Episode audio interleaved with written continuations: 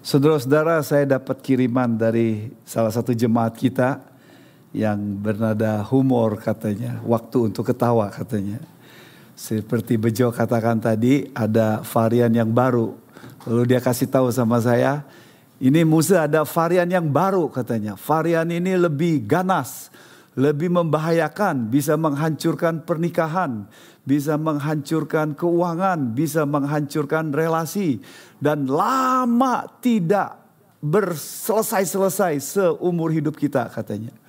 Namanya apa? Bukan Omikron, varian yang baru namanya sinetron, saudara-saudara. Ya. Saudara-saudara, di tengah suasana COVID-19 ini, biar hati kita tetap uh, fokus sama Tuhan kita Yesus Kristus saat ini dan membiarkan firman Tuhan berbicara pada kita. Saudara-saudara kita masih melanjutkan seri Wisdom in Living dari buku Yakobus dan ini uh, pasal 4 yang kita akan bahas. Saudara-saudara kita akan membahas salah satu topik yang sangat indah pada uh, pada ayat dua ayat yang sangat-sangat uh, menolong kita dalam relasi satu sama lain. Jadi saya ingin memberi judul uh, khotbah hari ini dengan New Year, tahun baru dengan new relationship. New Year with new relationship. Tahun baru dengan relasi, relasi yang baru satu sama yang lain. Saudara-saudara, sering kali kita menjadi masalah dalam relasi. Salah satunya adalah karena perkataan kita, kata-kata kita. Kata-kata bisa menghancurkan relasi teman, relasi suami istri, orang tua, anak, dan anak sama orang tua, dan sesama satu sama yang lain. Dan Yakobus mengerti betapa pentingnya bahwa uh, ketika membahas ini perkataan itu. Kalau saudara baca baik-baik buku Yakobus, buku Yakobus hampir seluruh pasal berbicara perkataan, saudara-saudara Pasal 1 bicara soal perkataan, jangan uh, cepat marah, tapi kita harus belajar untuk uh, mendengar dan uh, lambat untuk marah. Pasal 3 bicara banyak soal tentang mulut yang bisa dikendalikan tapi juga bisa menghancurkan seperti uh, api. Lalu kemudian pasal 2 kalau nggak hati-hati diskriminasi satu sama lain dengan judge, judgment penghakiman orang kaya dan miskin juga soal mulut. Nah saudara-saudara pasal 4 dan pasal 5 ada singgung soal mulut. Dan pasal 4 ini bahas yang secara khusus bicara tentang spesifik hal yang sangat mengganggu dalam relasi kita dalam hubungan satu sama yang lain yaitu yang sering menghancurkan yaitu kata-kata yang jahat atau Yakobus pakai istilah menghakimi. Jadi mari kita membahas uh, bagian ini dengan baik-baik supaya menolong kita dalam tahun baru ini.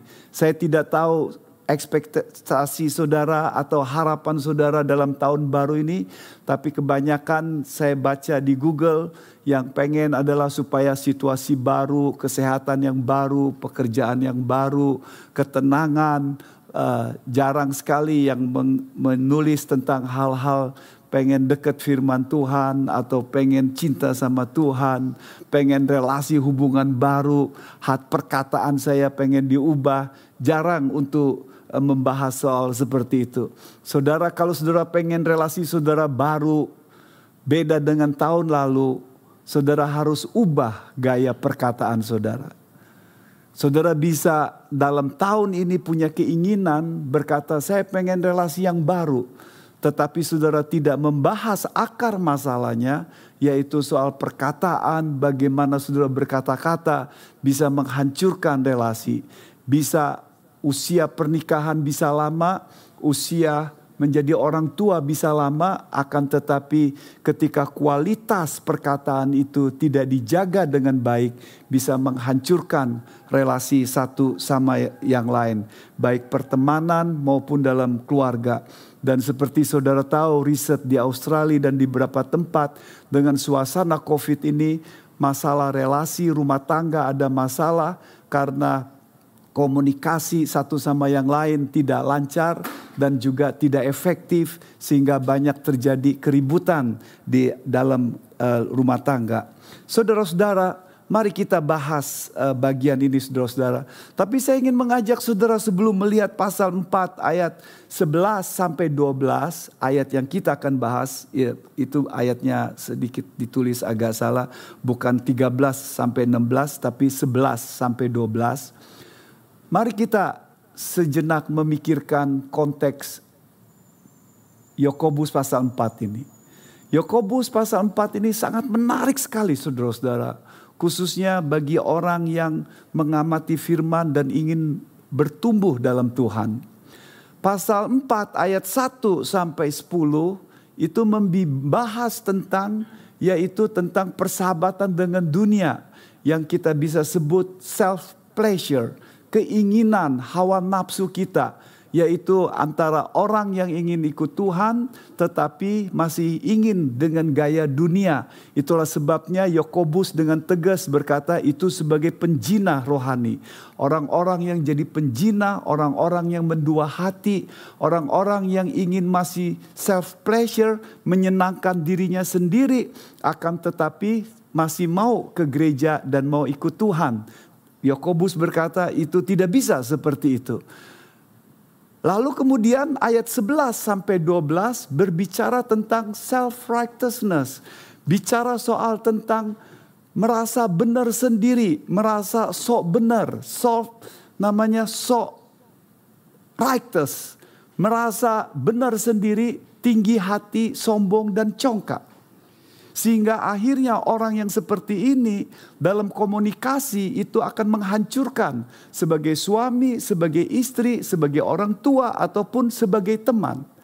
Lalu kemudian yang dikotbahkan Stefanus dengan baik pasal minggu lalu ayat 13 sampai 17 bicara soal self reliance, bergantung pada diri sendiri tanpa masa bodoh dengan kehendak Tuhan yang harusnya menjadi otoritas dalam hidup kita.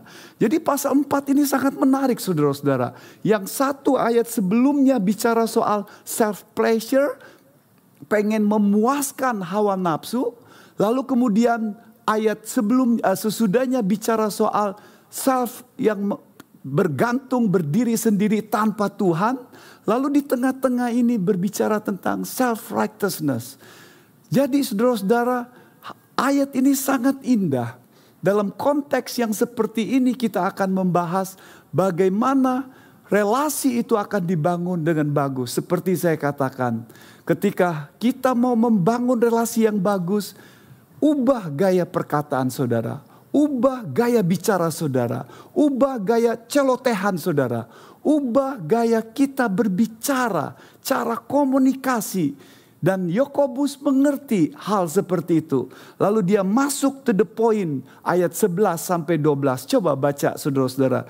Yakobus 4 ayat 11 sampai 12. Dua ayat tapi sangat-sangat penerapannya sangat indah bagi kita semua dan relevan. Saudara-saudaraku, janganlah kamu saling memfitnah. Barang siapa memfitnah saudaranya atau menghakiminya, ia mencela hukum dan menghakiminya. Dan jika engkau menghakimi hukum, maka engkau bukanlah penurut hukum tetapi hakimnya. Hanya ada satu pembuat hukum dan hakim, yaitu dia yang berkuasa menyelamatkan dan membinasakan. Tetapi siapakah engkau sehingga engkau mau menghakimi sesamamu manusia? Saudara-saudara perhatikan ayat ini. Begitu Yakobus concern dengan orang-orang jemaatnya yang kadang-kadang tidak bisa mengontrol perkataan yang akhirnya bisa mengganggu hubungan satu sama yang lain di tengah situasi yang penuh penganiayaan pada waktu itu, situasi hempitan dan situasi yang mereka jauh di rantau sehingga kalau tidak hati-hati perkataan itu bisa menghancurkan satu sama yang lain. Dan nats kita berbicara untuk menekankan itu kalau saudara baca baik-baik dalam bahasa Inggris, bahasa Indonesianya lebih daripada yang ditekankan di bahasa aslinya. Tapi dalam ayat 11 dan 12 ini tiga kata kerja yang diulang-ulang terus-menerus yaitu jangan berkata-kata yang jahat dengan menghakimi itu enam kali saudara-saudara. Jadi ayat 11 sampai 12 tiga kata kerja yang semuanya dalam bentuk present artinya jangan lakukan hal seperti itu. Jangan menjadi gaya habit, jangan terus menerus, jangan biarkan kalau engkau sudah berhenti dan pengen melakukan stop, berhenti. Itu maksudnya saudara-saudara untuk menekankan bahwa kebiasaan seperti ini tidak boleh dilanjutkan, bahwa ini menghancurkan relasi satu sama yang lain. Jadi saudara-saudara perhatikan Yakobus firman Tuhan untuk menekankan kebenaran ini. Dua ayat itu diulang-ulang tiga kata kerja untuk menekan uh, uh, dengan enam kali pengulangan untuk menekankan jangan lakukan ini. Tidak boleh ada dalam gereja kita persekutuan rumah tangga pertemanan satu sama yang lainnya. Dan saudara tahu kalau tidak hati-hati Kata-kata bisa menghancurkan, kata-kata bisa menghancurkan persekutuan di gereja, bisa menghancurkan gereja, bisa menghancurkan relasi hubungan satu sama lain. Kata-kata penghakiman yang tidak sejalan dengan apa yang Tuhan inginkan. Saudara perhatikan saudara-saudara, how, bagaimana kita bisa membangun hubungan yang bagus. Bagaimana kita bisa mengontrol relasi kita dengan bagus saudara-saudara. Saudara perhatikan ayat ke-11. Kita baca sekali lagi ayat 11 saudara-saudara. Perhatikan di situ. Saudara-saudaraku janganlah kamu saling memfitnah Barang siapa memfitnah saudaranya atau menghakiminya, ia mencela hukum dan menghakiminya. Dan jika engkau menghakimi hukum, maka engkau bukanlah penurut hukum, tetapi hakimnya. Saudara-saudara, kalau saudara perhatikan dalam bahasa Inggrisnya, di situ dikatakan, the, the one who speak against a brother or judges his brother di situ pakai or, saudara-saudara. Nanti saya jelaskan kenapa harus pakai or, saudara-saudara. Saudara perhatikan dalam nats kita. Jadi nasihat pertama yang dikatakan di sini adalah jagalah perkataan kita. Jangan pakai kata yang menghancurkan relasi hubungan. Dan nasihat utamanya dalam nats kita di sini adalah Janganlah kamu saling memfitnah, janganlah kamu saling menghakimi. Dalam bahasa Yunaninya bentuk itu sangat menarik saudara-saudara. Itu bentuk kalimat perintah dan bentuk present. Artinya sesuatu yang tidak boleh diulang-ulang sesuatu yang dulu diulang-ulang sekarang harus dihentikan. Kalau saudara mau mengulang lagi, berhenti. Kalau pengen melakukan, ada kecenderungan melakukan itu, stop, berhenti. Dan ini kalimat perintah, kata perintah artinya harus dilakukan tidak tergantung perasaan saudara, situasi keadaan saudara. Saudara harus belajar taat saya bahwa saya tidak boleh melakukan ini. Saya harus menjaga perkataan saya. Jangan pakai kata yang menghancurkan hubungan dan kata yang dipakai di situ adalah saling memfitnah. Saling memfitnah. Istilah ini sangat menarik saudara-saudara. Saling memfitnah lalu kemudian disamakan dengan menghakimi. Kalau saudara baca baik-baik dalam nats kita, Yakobus menyamakan saling mengfitnah itu dengan menghakimi. Itulah terjemahan bahasa Inggris pakai all judges his brother, pakai istilah o karena istilah dalam bahasa uh, Yunaninya kai itu bisa diterjemahkan dan bisa diterjemahkan namely yaitu atau or. Jadi Yakobus sengaja menyamakan bahwa saling memfitnah, kata yang dipakai saling memfitnah dengan judges atau uh, judge dengan menghakimi itu sama, equal saudara-saudara. Biar saya jelaskan maksudnya saudara-saudara. Coba saudara perhatikan di sini saudara-saudara. Kata yang dipakai di situ adalah khususnya jangan saling memfitnah. Kata itu dari dua kata yang artinya satu kata laleo. Kata laleo itu terjemahan literalnya saling memfitnah. Memfitnah. Jadi kata itu dalam bahasa Yunani-nya bisa berarti dua. Satu bisa berarti according to atau bisa berarti down. Lalu laleo itu bisa berarti ngomong, bicara atau celocehan. Nah, jadi kata yang dipakai di sini saling memfitnah itu terjemahan terjemahannya yang dikatakan di kamus dikatakan speak down to in a hostile. Jadi berbicara berceloceh tentang seseorang yang dengan menjatuhkan dengan maksud permusuhan. Artinya mencemooh, mengejek, mentertawakan, menghancurkan reputasi seseorang karena ada unsur kebencian, ada unsur ill will, ada unsur ingin defame, ingin menjatuhkan, merendahkan. Saudara-saudara, saudara perhatikan istilah yang dipakai di situ itu istilah saling memfitnah, saudara-saudara. Jadi ketika istilah memfitnah itu dipakai, Yakobus menyamakan dengan menghakimi. Karena istilah memfitnah yang dipakai di sini bukan hanya sekedar istilah memfitnah, tapi terjemahan literalnya seperti saya katakan adalah mengatakan sesuatu untuk menjatuhkan integritas seseorang yang belum tentu kebenarannya, yang masih dipertanyakan dan dia masa bodoh. Yang penting dia ngomong, asal ngomong. Lalu kemudian menjatuhkan, menghancurkan integritas ini tidak bagus. Dan pada umumnya waktu dia berbicara tidak ada orangnya di sana. Saudara-saudara, istilah itu sering kali pakai istilah di terjemahan dalam bahasa Inggrisnya pakai istilah mencaci maki memperta, mendertawakan, mengejek. Saudara-saudara istilah itu ada unsur sudah ada unsur penghakiman sedangkan istilah menghakimi itu berarti mengambil keputusan untuk menghakimi. Itulah sebabnya Yakobus berkata bahwa istilah ini sama dengan menghakimi. Itulah sebabnya dalam nat selanjutnya Yakobus menekankan soal penghakiman karena ini hal yang sama yang mau ditekankan saudara-saudara. Kata yang dipakai di situ saling memfitnah, kata laleo dengan kata menghakimi krino itu adalah kata yang sama. Dan itu yang sering dipakai saudara-saudara. Satu sama yang lainnya.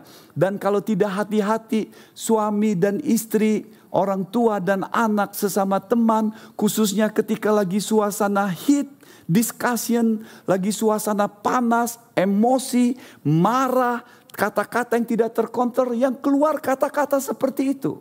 Kata-kata yang cepat dikeluarkan, yang akhirnya bisa melukai hati seseorang. Kata-kata yang tidak menyejukkan, kata-kata menurut Amsal, kata-kata seperti pedang, kata-kata yang kasar, yang menusuk, bukan kata-kata yang menyejukkan. Dan ketika kata-kata itu sudah keluar, biasanya orang yang seperti ini dia keluar lalu kemudian dia cepat untuk berkata saya minta maaf. Tetapi dia lupa bahwa orangnya sudah tersakiti. Orangnya sudah merasa terganggu kejiwaannya. Sedangkan dia enak-enak melakukan dengan kata-kata yang sembrono. Saudara-saudara, perhatikan orang yang memfitnah atau orang yang suka menghakimi kecenderungannya itu self righteousness, merasa benar sendiri. Itulah sebabnya Yesus berkata kepada uh, pendengarnya, jangan seperti orang Farisi. Orang Farisi, ragi Farisi, sok benar sendiri. Dia mudah menghakimi, mudah merendahkan, menjatuhkan, kasih label, dan kemudian mencemooh dan melakukan hal-hal seperti itu. Dan ayat ini berkata, kalau kita ingin membina relasi yang bagus. Hilangkan hal yang seperti itu. Jangan memfitnah, jangan menghakimi saudara-saudara. Saudara-saudara ini yang sangat menarik karena nats kita akhirnya fokus kepada menghakimi saudara-saudara. Kalau saudara baca selanjutnya ayat 11 lalu dijelaskan soal banyak soal penghakiman. Menarik sekali saudara-saudara apa yang diajarkan oleh Yesus Kristus soal penghakiman supaya saudara tidak salah. Alkitab berbicara banyak soal penghakiman, jangan menghakimi. Ayat ini berbicara khususnya bicara soal penghakiman yang tidak benar. Ungodly judgment. Yesus mengajarkan kepada kita harus godly judgment. Bahkan Yohanes 7 ayat 24 Yesus berkata, "Jangan menghakimi berdasarkan penampakan, tapi hakimilah dengan adil." Artinya nggak bisa orang ngomong langsung dihakimi, orang ngomong langsung di dikasih keputusan. Orang ngomong belum selesai, tidak mengerti banyak, langsung kita kasih pendapat. Kita tidak mengerti apa yang sedang diungkapkannya dan langsung asal bicara. Dan Tuhan berkata bukan seperti itu. Tapi yang sangat menarik adalah bahwa mengerti bahwa soal ungodly judgment ini banyak orang Kristen yang bergumul makanya Yakobus berkata-kata dan firman Tuhan juga berbicara. Coba lihat beberapa ayat ini saudara-saudara supaya saudara mengerti soal penghakiman ini. God's words on being judgmental bahwa kita tidak boleh untuk menghakimi dengan yang tidak benar tapi harus belajar bagaimana godly judgment. Matius 7 ayat 1 sampai 5 itu bukan 15. Uh, eh, saya salah tulis. Matius 7 ayat 1 sampai 5 bicara jangan kamu menghakimi karena kita akan dihakimi. Roma 14 ayat 19 23 kita jangan menghakimi suara nurhani seseorang karena kita tidak tahu isi hatinya. Yakobus 2 ayat 1 sampai 4 kita jangan menghakimi orang-orang kaya, menghakimi dengan perkataan diskriminasi dengan orang yang miskin. Roma 2 ayat 1 berbicara bahwa kita tidak layak di hadapan Tuhan untuk menghakimi sesama kita. 1 Korintus 4 ayat 5 berbicara bahwa Tuhanlah nanti hakim yang agung akan menghakimi kita apa yang tidak jelas, apa yang kita lakukan diam-diam atau motivasi kita. 1 Korintus 10 ayat 29 30 berbicara kita jangan menghakimi khususnya hal-hal yang kita tidak tahu banyak dan kita harusnya belajar untuk memuliakan Tuhan. Saudara-saudara, kata-kata ini untuk mau menunjukkan bahwa penulis Alkitab dan Tuhan tahu bahwa kecenderungan manusia itu suka menghakimi saudara-saudara. Makanya diberi nasihat jangan menghakimi. Karena mengagatli judgment, penghakiman yang tidak sehat itu sering kali sering terjadi. Hal yang kita lakukan adalah seperti Yesus katakan, kalau kita mau dihakimi, kalau kita mau menghakimi, kita mau dievaluasi juga. Kita mau dihakimi. Kalau kita sedang mengevaluasi seseorang, apakah kita mau dievaluasi? Kalau saudara sedang mengevaluasi teman saudara, sedang ngomong yang tidak bagus dengan teman saudara, dengan istri, dengan pasangan kita, apakah kita dengan comfortable mau diomongin seperti itu? Kita diam, kita tenang, hal yang sama. Pada umumnya kita tidak mau, saudara-saudara. Ada yang sering berkata, kalau saya sih orangnya cepat ngomong. Saya pernah nyeletuk pada orang yang bersang, uh, pada waktu itu dalam grup saya berkata, kalau orang yang cepat ngomong, kamu kalau dicepetin ngomong mau nggak? Oh, iya. Saya orangnya langsung keluar yang apa yang di perut saya saya ngomongin. Mau nggak kalau yang sama kamu dilakukan seperti itu? Saudara-saudara, Yesus mengajarkan kepada kita Dan Yakobus mengajarkan juga ungodly judgment itu tidak bagus. Kata-kata yang ceroboh, kata-kata yang cemooh, penghakiman atau kata-kata yang tidak kita mengamati secara keseluruhan. Kita tidak tahu apa yang terjadi. Kita harus mengamati, dengar dengan baik-baik, perhatikan, lalu perhatikan motivasi kita juga.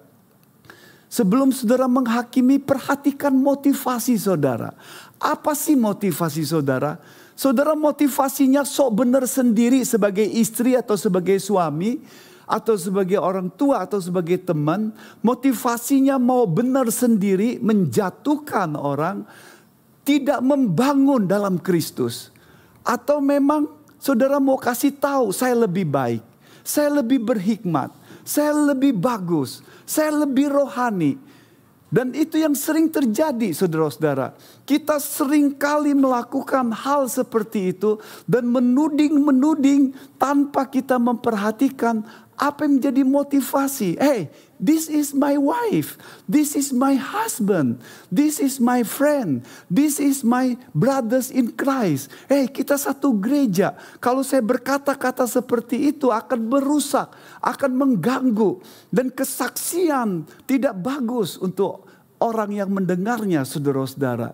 Jadi kita perhatikan baik-baik ketika kita melakukan itu cek motivasinya. Lalu Tujuannya apa saudara-saudara? Dalam dunia pengadilan saudara-saudara supaya saudara tahu istilah pengadilan tujuan itu sangat penting. Mens rea namanya. Tujuan untuk melakukan kejahatan itu sangat penting harus diketahui kepolisian. Polisi harus tahu itu sebelum ada penghukuman. Motivasi kadang-kadang tidak menjadi dasar hukuman, tapi mens rea tujuan itu harus diketahui. Jadi kita harus tahu dengan bagus, jujur di hadapan Tuhan. Apa tujuan saudara? Apa mens rea saudara ketika berkata-kata seperti itu? Melakukan kata-kata yang seperti cemooh, kata-kata kritikan, kata-kata masukan. Kritikan itu bagus, akan tetapi kalau mens reanya tidak bagus, tujuannya tidak bagus, itu berarti saudara mencemooh, mengejek, menjatuhkan integritas seseorang, tidak membangun, tidak menguatkan dan sering kali dalam suasana hit discussion dengan pasangan kita, dengan teman begitu panas sehingga kita lupa bahwa kata-kata itu harus membangun, menguatkan, bukan menjatuhkan. Dan kita merasa pengen menang, kita merasa pengen benar sendiri, dan kita punya hikmat sendiri. Saudara-saudara, firman Tuhan berkata tidak seperti itu ungodly judgment tidak boleh hidup dalam kehidupan kita. Apa tujuan saudara? Dan kita bawa ke dalam Tuhan. Kita doakan. Saya ingin memberi masukan, kritikan ini. Saya ingin memberikan sesuatu yang bagus. Dan biarlah Tuhan memimpin saya dengan kata-kata yang bagus. Dan kita bawalah karakter Kristus dalam hidup kita yang penuh dengan belas kasihan, yang penuh dengan kasih sayang, yang penuh dengan humble, kerendahan hati, yang penuh dengan compassion, orang-orang yang lemah, orang-orang yang jatuh, orang-orang yang terperosok dalam kesalahannya, diangkat oleh Yesus, dikuatkan oleh Yesus. Yesus tidak menghakimi saudara-saudara, dan kita cenderung mudah sekali, apalagi karena akibat orang itu. Kita mudah sekali berkata itu karena akibat lo, itu karena perbuatan lo, itu karena engkau apa yang kamu tabur. Tapi saudara perhatikan kata-kata Yesus ketika ketemu sama orang orang-orang yang berdosa, orang-orang yang jatuh karena akibatnya. Yesus mengangkat, Yesus menguatkan. Yesus punya compassion meskipun akibatnya itu karena akibatnya ulah sendiri. Dia mengangkat, membangun. Itu yang harus terjadi namanya godly judgment yang harus dihidupkan. Saudara-saudara, nats kita sangat indah sekali. Jangan berkata-kata yang jahat. Kata-kata yang menghakimi. Yang ungodly. words, ungodly judgment yang bisa menghancurkan dalam kehidupan kita. Saudara-saudara, menarik sekali saudara-saudara, kata-kata kita ini bisa terjadi oleh karena banyak aspeknya. Tapi pada umumnya kata-kata judgment ini bisa itu dihubungkan dengan Allah, bisa dihubungkan dengan sesama kita, bisa dihubungkan dengan diri sendiri. Jadi saudara-saudara, saudara akan perhatikan kata-kata itu sering kali ketika kita menghakimi Allah dengan berkata, saya tidak puas dengan Allah. Allah itu tidak baik. Saya sakit hati dengan Allah. Saudara banyak kata-kata seperti itu. Yang salah konsep tentang Allah terhadap apa yang Allah lakukan dalam hidupnya. Atau kata-kata kepada orang lain. Kata-kata yang bersuka label. Termasuk sama anak kita. Banyak anak-anak yang kecewa karena orang tuanya yang sering membanding-bandingkan, memberikan ultimatum, memberikan kata-kata maksudnya maksudnya bagus akan tetapi apa yang dikatakan salah yaitu dengan kata-kata penghakiman. Kalau kamu seperti ini, kamu tidak akan berhasil hidupmu. Kamu akan hancur, kamu akan tidak bahagia, kamu akan ini dan penuh dengan penghakiman. Dan sebagai orang tua kita nggak seperti itu. Kamu nggak seperti anakmu, uh, seperti adikmu, seperti kakakmu. Dan itu akhirnya membuat menghancurkan. Dan banyak anak-anak yang penuh akhirnya sakit hati sama orang tua. Yang harusnya diampuni, yang harusnya di, berikan kesempatan Tuhan menjamah dalam kehidupan kita. Dan kadang-kadang termasuk diri kita juga. Kita kata-kata menghakimi dengan diri kita sendiri yang bisa menghancurkan. Saya mah orangnya seperti ini, saya nggak bisa berubah. Saya orangnya seperti ini, sudah nggak bisa, nggak mampu lagi, atau tidak bisa lagi melakukan ini jadi selalu label terhadap dirinya sedangkan Tuhan firman Tuhan tidak berbicara seperti itu. Saudara-saudara, jadi dalam nats kita soal penghakiman ini sangat-sangat luas tapi secara spesifik dihubungkan dengan sesama satu sama yang lain. Jadi be careful ketika saudara berkata satu sama yang lain. Dalam bukunya dikatakan seorang pastor Charlie W. Set menceritakan cerita yang sangat klasik. Seorang suami yang dalam diskusi mereka baru menikah begitu marah sama istrinya lalu kata-kata keluar karena dia ada bintik-bintik uh, di mukanya dulu dia sebelum menikah dibilang cantik lalu sesudah menikah dalam kemarahannya dia berkata kamu jelek kamu ada bintikan, kamu itu penuh dengan seperti bulan yang tidak uh, ter, uh, uh, berantakan, tidak jelas, tidak terang. Dan kata-kata yang seperti itu menghancurkan hati sang wanita. Suaminya sudah minta maaf, tapi istrinya berkata, "I forgive you." But every time saya mengaca, kata-kata itu masuk dalam pikiran saya. Dan saya berusaha untuk mengalihkan. Tapi mau kasih tahu sama suaminya betapa kata-kata itu melukai dia. Saudara-saudara, jadi banyak aspeknya kata-kata itu. Jadi nats kita Yakobus berkata dengan simple, kalau mau membangun relasi yang sehat, membangun relasi yang bagus, pakailah kata-kata yang membangun bukan menghancurkan. Kata-kata fitnah, kata-kata jahat, kata-kata yang menghakimi itu menghancurkan relasi persekutuan satu sama yang lainnya. Saudara-saudara, lalu Yakobus memfokus kepada alasannya. Mengapa kita harus tidak boleh melakukan itu. Mengapa kita harus membangun kata-kata yang sehat ini saudara-saudara. Coba perhatikan alasannya. alasan jangan kita memakai kata yang tidak bagus.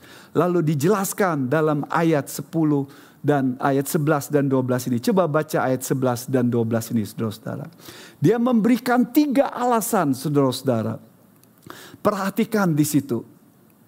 Barang siapa memfitnah saudaranya atau menghakiminya, ia mencela hukum dan menghakiminya. Dan jika engkau menghakimi hukum, maka engkau bukanlah penurut hukum tetapi hakimnya. Jadi alasan yang pertama ketika kita mencela, ketika kita kata-kata jahat, ketika kita menghakimi, Yakobus berkata, itu tidak boleh dihidupkan karena kita itu menjadi hakim terhadap firman Tuhan. Kita bukan pelaku firman Tuhan. Kita harusnya menjalankan firman Tuhan, biar firman Tuhan itu menghakimi kita, membuka kejelekan kita, membuka hati kita, membuka perbuatan kita, membuka semua hal-hal yang tidak bagus dalam kehidupan kita, termasuk perkataan kita, isi hati kita dibukakan dan firman Tuhan itu yang menghakimi. Tetapi ketika kita menghakimi, ketika kita memfitnah, firman Tuhan berkata, kitalah yang menghakimi. Kita bukan pelaku firman Tuhan. Yang kedua, alasan yang kedua dikatakan di situ ayat ayat 12 Saudara-saudara. Ayat ke-12, hanya ada satu pembuat hukum dan hakim, yaitu dia yang berkuasa menyelamatkan dan yang membinasakan. Yang kedua, kita tidak boleh berkata-kata jahat, memfitnah, dan menghancurkan seseorang, dan khususnya menghakimi, karena nats kita berkata, "Tuhanlah satu-satunya hakim." Kita bukan hakim, Tuhan satu-satunya hakim yang adil. Kalau saudara tidak terbiasa, kalau saudara menjadi habit kebiasaan, kata-kata yang sembrono, kata-kata yang asal keluar, kata-kata yang tidak dipikirkan dengan bagus, kata-kata yang penuh dengan cemoohan, dan kata-kata yang menghancurkan, menjatuhkan. Nats ini berkata, ingat Tuhan jadi hakim. Kita bukan jadi hakim. Ketika kita berkata seperti itu, you are a judge. Tapi kita bukan hakim. Tuhan hakim yang maha kuasa, yang maha tahu. Bahkan dikatakan di situ, berkuasa menyelamatkan dan binasakan. Artinya dia mau menekankan kuasanya. Dia yang maha kuasa, dia yang maha tahu, dia yang mampu campur tangan dalam kehidupan kita yang mengampuni kita dan juga yang akan membinasakan kita. Seperti Yesus katakan, jangan takut pada manusia. Manusia hanya bisa membinasakan tubuh. Takutlah pada Tuhan, karena Tuhan Allah yang sanggup membinasakan tubuh dan jiwa kita.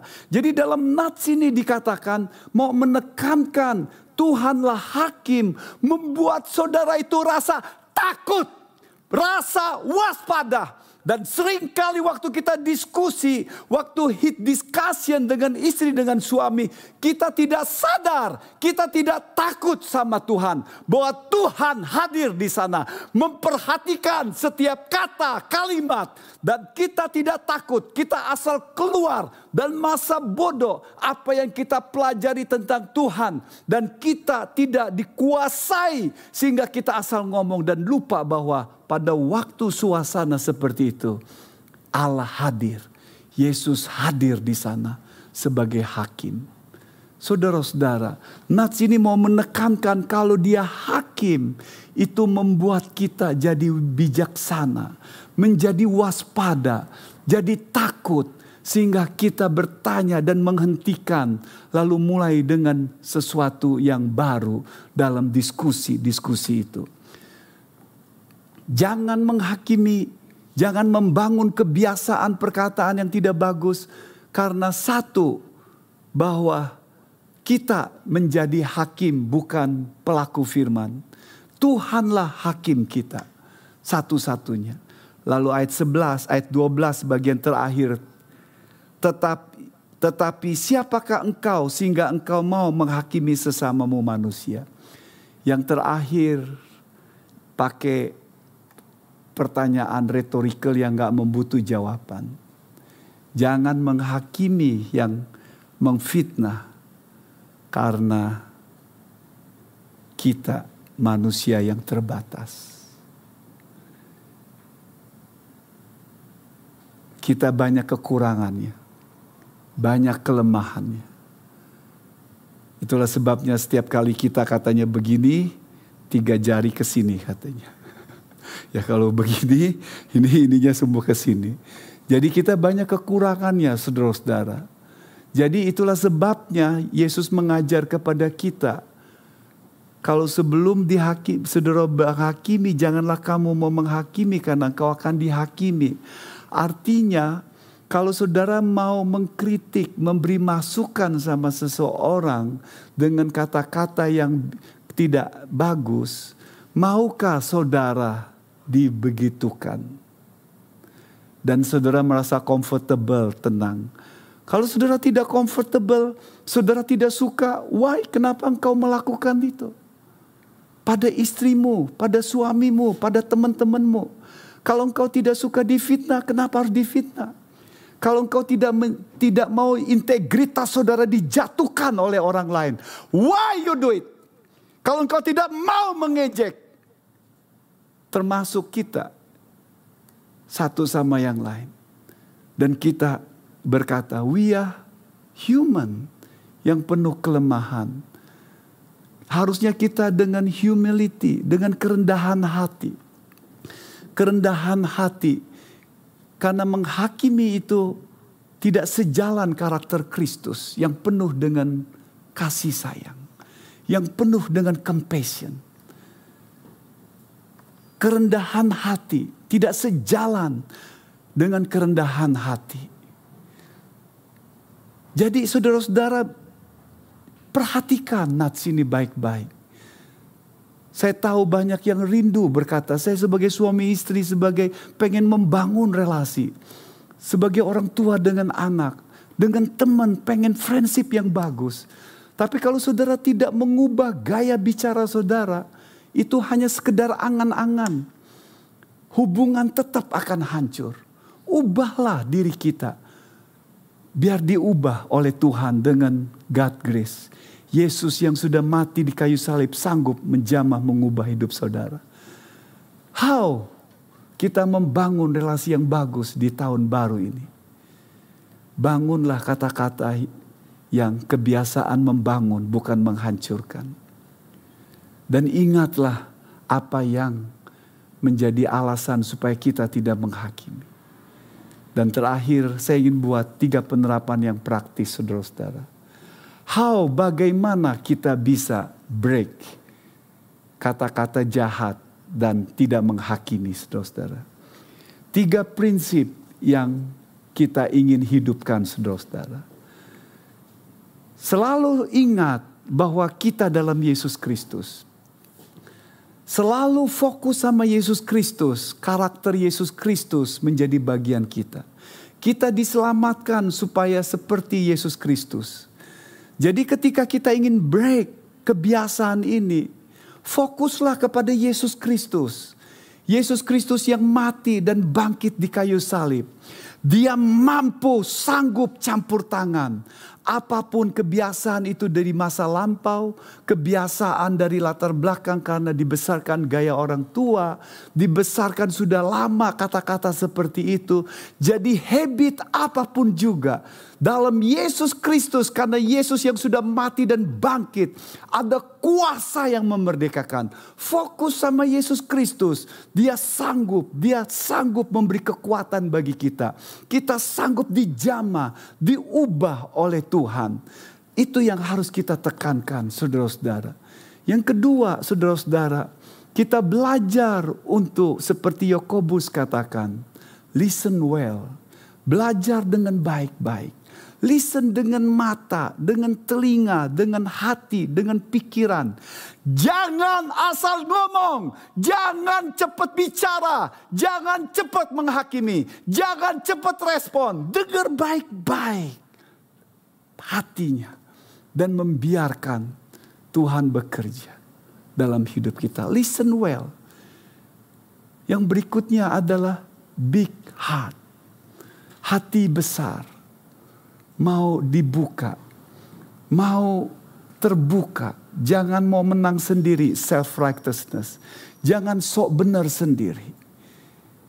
Belajar mau terbuka, dibukakan kejelekan kita juga, besar hati, dan itu memudahkan kita untuk punya hikmat dalam memberikan kritikan, nasihat satu sama yang lain. Saudara-saudara, dan diakhiri dengan belajar untuk speak well. Kata-kata yang bagus. Kata-kata yang membangun. Saya suka istilah Amsal. Kata-kata manis itu biarlah seperti madu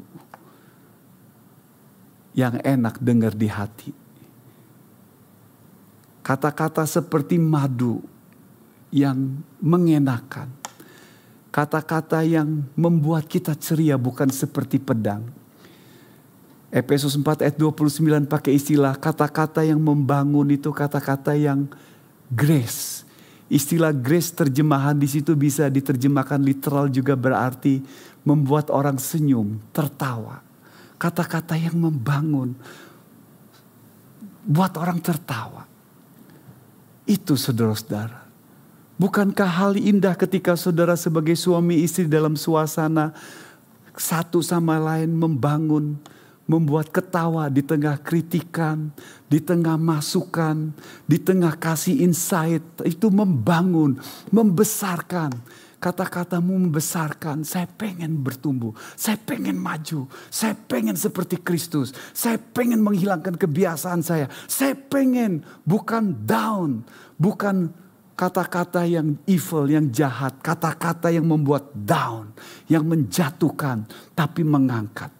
Saudara-saudara, saya tidak berkata bahwa saya sudah sempurna, saya juga terus belajar. Firman Tuhan ini juga untuk saya, Firman Tuhan ini juga untuk membangun hidup saya yang banyak penuh kelemahan. Dan kiranya firman Tuhan ini membangun hidup saudara. Membangun, membangkitkan saudara. Sehingga tahun baru ini, New Year dengan new relationship yang baru. Karena hatimu dijama oleh Tuhan. Dijaga oleh Tuhan. Kata-kata kita seperti Yesus katakan Kata-kata itu luapan dari hatimu. Hatimu dijaga. Hatimu penuh dengan cinta kasih kepada Yesus Kristus. Karakter Yesus Kristus menguasai hati kita. Karakter yang compassion, yang penuh kasih, yang penuh kesabaran, yang penuh dengan kebaikan. Itu menguasai, memenuhi hati kita. Sehingga menguasai perkataan kita dan Tuhan sanggup menjamah hidup saudara. Kalau saudara bergumul dengan masalah saudara relasi satu sama yang lain sebagai orang tua, sebagai sesama teman atau sebagai suami istri, biar kita datang mengaku dosa, biar Roh Kudus mencelikan mata rohani saudara, biar Roh Kudus mencelikan kata-kata hatimu, pikiranmu dan dalam hatimu membiarkan dia membuka kejelekan kita dan biar kita diubah dan kita datang Tuhan I need you. Jamah Tuhan. Jamah hati saya. Jamah karakter saya seperti Kristus. Dan jamah perkataan saya. Mari kita berdoa bersama-sama. Biar kita tenang, membiarkan roh Tuhan bekerja menjamah, menguatkan, mencelikan. Dan roh kudus ketika berbicara pada hidup saudara, membukakan kata-kata jahat, mencelikan motivasi dan mensrea tujuan saudara. Biar kita datang sama Tuhan dan diperbarui. Tuhan saya tidak mampu dengan kekuatan saya. Tapi Yesus Kristus yang mati di kayu salib dan bangkit. Sanggup campur tangan. Sanggup untuk menolong. Sanggup untuk mengubah. Sanggup untuk memerdekakan. Sanggup untuk menghancurkan kebiasaan, habit, kata-kata yang jahat, kata-kata yang menghakimi, kata-kata yang penuh dengan fitnah, yang biasa untuk gosip dan membiarkan Tuhan menjamah dan berkata Tuhan seperti kata ini adalah diperintahkan untuk berhenti dan kita berkata Tuhan saya mau berhenti dan mulai habit yang baru dengan kekuatan dari Yesus Kristus Tuhan kita. Dan ini kerinduan kita di tengah dunia yang penuh dengan celah. Kita mau menjadi berkat. Pakailah hidupku. Menjadi alat yang indah di rumah tangga, di tempat pekerjaan, di sel group, dengan teman-teman di gereja untuk kemuliaan nama Tuhan kita Yesus Kristus.